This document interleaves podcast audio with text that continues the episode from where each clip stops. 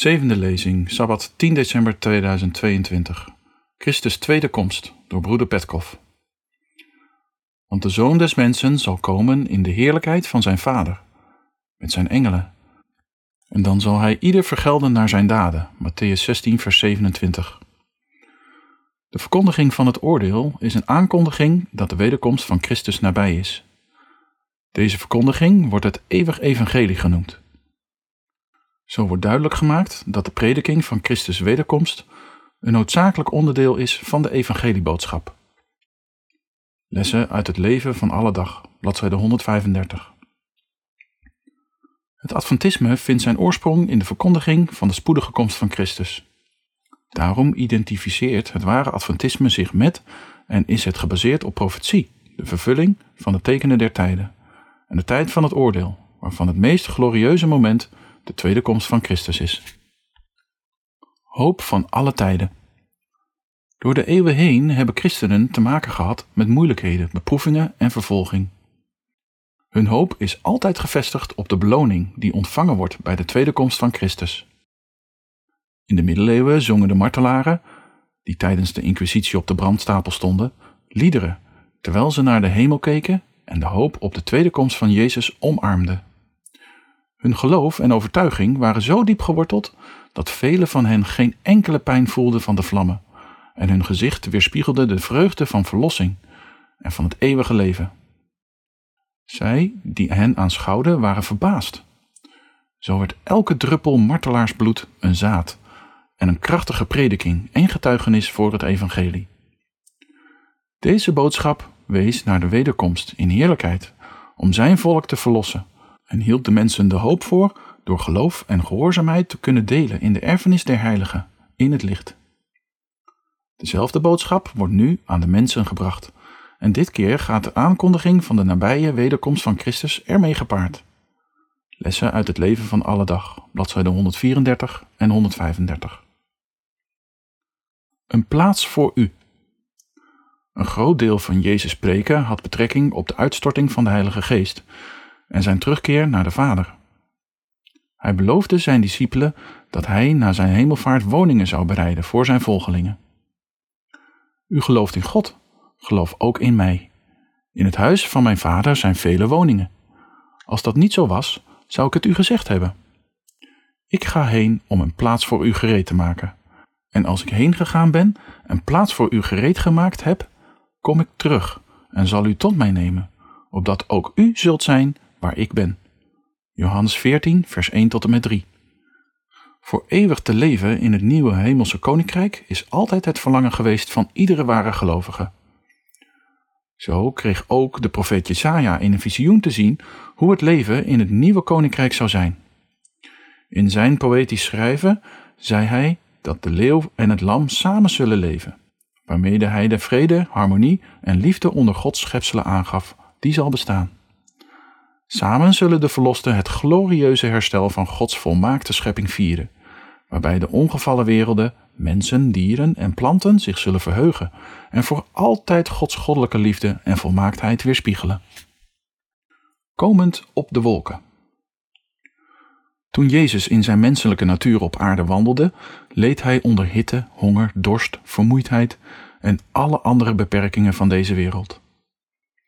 Hij kwam om te dienen in nederigheid en was onderworpen aan de vervolging van de gevallen geestelijke wereld en de mensen die daarmee verbonden waren. Gekruisigd en opgeofferd voor het gevallen menselijke ras, behaalde de Verlosser de volledige overwinning op de vijand en werd de enige vertegenwoordiger en plaatsvervanger van de mens. Maar bij zijn tweede komst zal hij komen in kracht en in heerlijkheid. En dan zullen ze de Zoon des Mensen zien komen in de wolken, met grote kracht en heerlijkheid. En dan zal hij zijn engelen uitzenden en zijn uitverkorenen bijeenbrengen, uit de vier windstreken, van het uiterste van de aarde tot het uiterste van de hemel. Marcus 13, vers 26 en 27. Omdat deze grote gebeurtenis zo begeerd en verlangd wordt, zal Satan proberen de hele wereld te misleiden door als Christus te verschijnen op verschillende plaatsen in de wereld. De Heer waarschuwde zijn volgelingen om waakzaam te zijn, omdat er valse Christussen en profeten zullen verschijnen voordat Jezus' komst plaatsvindt. In Matthäus 24, vers 8 stelt de Heer zijn komst gelijk aan barensweeën. Hoe goed een zwangere vrouw ook voorbereid is, de pijnen bij de geboorte van haar kind zullen haar altijd verrassen. Niemand kent de dag en het uur van Jezus' komst, dus is voortdurende paraatheid noodzakelijk voor allen die zullen deelnemen aan die glorieuze gebeurtenis. Zij die Hem zien zonder de dood geproefd te hebben, zullen veranderd worden en Jezus ontmoeten in de lucht. Zie, ik vertel u een geheimenis. Wij zullen wel niet allen ontslapen, maar wij zullen alle veranderd worden in een ondeelbaar ogenblik, in een oogwenk, bij de laatste bazuin. Immers, de bazuin zal klinken en de doden zullen als onvergankelijke mensen opgewekt worden. En ook wij zullen veranderd worden. En daarna zullen wij, de levenden die overgebleven zijn, samen met hen opgenomen worden in de wolken, naar een ontmoeting met de Heere in de lucht. En zo zullen wij altijd bij de Heere zijn. 1 Korinthe 15, vers 51 en 52 en 1 Thessalonicense 4, vers 17. De eerste opstanding. De eerste opstanding. Wanneer Christus in de wolken verschijnt, zal elk oog hem zien. Openbaringen 1, vers 7. Hij zal de rechtvaardigen uit hun graven roepen bij de eerste opstanding. Alle trouwe gelovigen die gestorven zijn vanaf de tijd van Adam tot einde van de genadetijd, zullen opstaan uit de dood en zich aansluiten bij de 144.000 levenden. Wat een dag zal dat zijn! De heiligen zullen getuigen zijn van de grootste gebeurtenis aller tijden, de verschijning van Christus en de opstanding van de heiligen. Bij de vooropstanding, die eerder plaatsvindt tijdens de zeven laatste plagen, volgens de profetie van Daniel, zal het verzegelde, trouwe deel van de 144.000 op hetzelfde moment uit het graf komen als de felste vervolgers van Jezus, inclusief het Sanhedrin dat hem veroordeelde. Deze speciale opstanding zal de profetie van Christus vervullen, en dan zullen ze de Zoon des Mensen zien komen in de wolken met grote kracht en heerlijkheid. Markers 13, vers 26. Alle die opstaan bij de eerste opstanding zullen niet alleen het eeuwige leven beërven, maar zullen ook het voorrecht hebben deel te nemen aan het oordeel over de ongelovigen tijdens de duizend jaar rust. Zalig en heilig is hij die deel heeft aan de eerste opstanding. Over hen heeft de tweede dood geen macht, maar zij zullen priesters van God en van Christus zijn. En zij zullen met hem als koningen regeren, duizend jaar lang.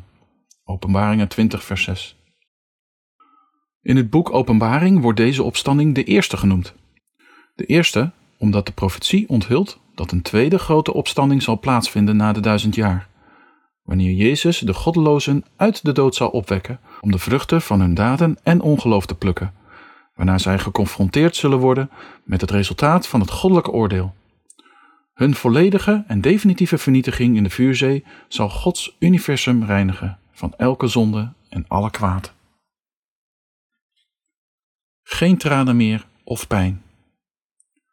Ik, Johannes, die ook uw broeder ben en deelgenoot in de verdrukking en in het koninkrijk en in de volharding van Jezus Christus, was op het eiland genaamd Patmos, omwille van het woord van God en het getuigenis van Jezus Christus. Openbaringen 1 vers 9. De beloning van alle trouwe gelovigen zal uiteindelijk aan hen gegeven worden en gerechtigheid en rechtvaardigheid zullen volledig worden hersteld.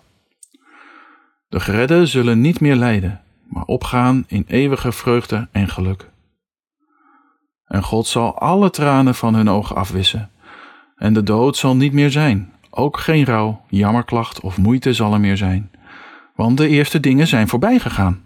Openbaringen 21, vers 4. Aan hen die de zeven plagen hebben doorstaan, wordt een speciale belofte gegeven. Zij zullen geen honger of dorst meer hebben. Geen zonnesteek of enige hitte zal hen treffen. Openbaringen 7, vers 16.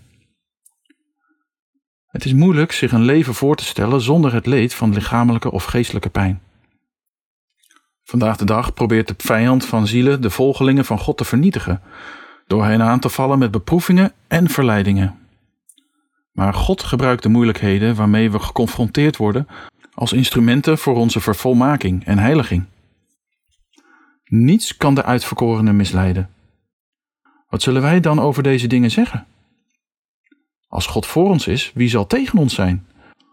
Hoe zal Hij, die zelfs zijn eigen zoon niet gespaard, maar voor ons alle overgegeven heeft, ons ook met Hem niet alle dingen schenken?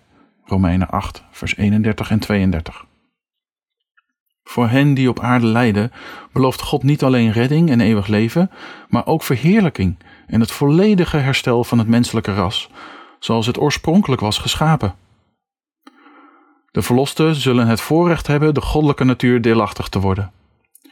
Wie overwint, zal ik geven met mij te zitten op mijn troon, zoals ook ik overwonnen heb.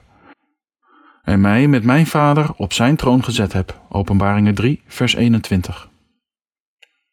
Kronen en harpen. Het symbool van de kroon wordt door de Heere Jezus gebruikt om de heerlijkheid en eer te beschrijven die zal worden gegeven aan hen die overwinnen en deel gaan uitmaken van het hemelse koninkrijk. De apostel Paulus riep uit: Verder is voor mij weggelegd de krans van de rechtvaardigheid die de Heere, de rechtvaardige rechter, mij op die dag geven zal. En niet alleen mij, maar ook allen die zijn verschijning hebben liefgehad. 2 Timotheus 4 vers 8 Kronen met sterren zullen gegeven worden aan allen die gered zijn. De verlosten voelen dat zij die niet verdienen en zullen ze neerleggen aan de voeten van Jezus, de leidsman van hun geloof. Onvoorstelbare vreugde zal worden ervaren door hen die gered zijn. Alle moeilijkheden, armoede, ontbering, verlies, vervolging en beproevingen van dit leven zullen als niets worden beschouwd in vergelijking met de heerlijkheid en grootheid die aan de gelovigen zal worden gegeven. Zij die het eeuwig leven beërven, zullen zo vervuld zijn van vreugde dat zij het lied, de lof en de vreugde die uit hun hart ontspringen niet kunnen tegenhouden. Glorieuze instrumenten zullen hun gegeven worden. En ik hoorde een geluid uit de hemel, als een geluid van vele wateren en als het geluid van een zware donderslag. En ik hoorde het geluid van citerspelers op hun citer spelen. En zij zongen als een nieuw lied voor de troon, voor de vier dieren en de ouderlingen. En niemand kon dat lied leren behalve de 144.000 die van de aarde gekocht waren. Openbaringen 14, vers 2 en 3. Alle verlosten zullen de gave van muziek hebben. Ze zullen in staat zijn om met muziek uit te drukken wat niet met woorden gezegd kan worden. Een golf van emoties en gevoelens zal uit hun hart stromen. Gods glorieuze aanwezigheid in het hemelse koninkrijk inspireert de engelen en de vier levende wezens voor de troon van God om voortdurend te herhalen: Heilig, heilig, heilig is de Heere God, de Almachtige, die was, die is en die komt. Openbaringen 4, vers 8. Het lied van het Lam. De verlosten zullen een speciaal lied zingen, en zij zongen het lied van Mozes, de dienstknecht van God, en het lied van het Lam, met de woorden: Groot en wonderbaarlijk zijn uw werken, Heere, Almachtige God. Rechtvaardig en waarachtig zijn uw wegen, Koning van de Heilige. Openbaringen 15, vers 3. De woorden van dit lied laten de bijzondere ervaring zien van hen die de hemel binnengaan, zoals die van Mozes en de Israëlieten, die door Gods wonder de Rode Zee overstaken en zij zijn bevrijding van hun vijanden ervoeren. Door de verdiensten van de Heere Jezus kunnen wij door een wonder deelgenoot worden van Zijn gerechtigheid, de vergeving van de zonde en het eeuwige leven. Niemand anders kan dit lied zingen, want verlossing is een persoonlijke zaak. De ervaring van anderen kan onze verlossing niet bewerkstelligen. Christus roept zijn schapen bij naam. Hij opent en sluit de deur. En alleen zij die zijn stem horen en herkennen, maken deel uit van zijn kudde. Degenen die Christus op aarde volgen, zullen zich verheugen om bij hem te zijn in het hemelse Jeruzalem. Straten van goud en een plaats van licht. Het nieuwe Jeruzalem wordt door de apostel Johannes beschreven als een verbazingwekkende plaats met twaalf fundamenten van edelstenen, twaalf paarlenpoorten en straten van puur goud. En het bouwmateriaal van de muur was jaspis en de stad was zuiver goud, gelijk aan zuiver glas. Openbaring 21 vers 18. De engel gaf ook de exacte afmetingen van de stad, haar lengte, breedte en hoogte. Alles is zo echt en prachtig gepland voor de heiligen, ontworpen om aan hun behoeften te voldoen. In het midden van de stad bevindt zich de tempel. Alleen de 144.000 zullen het voorrecht hebben daar binnen te gaan.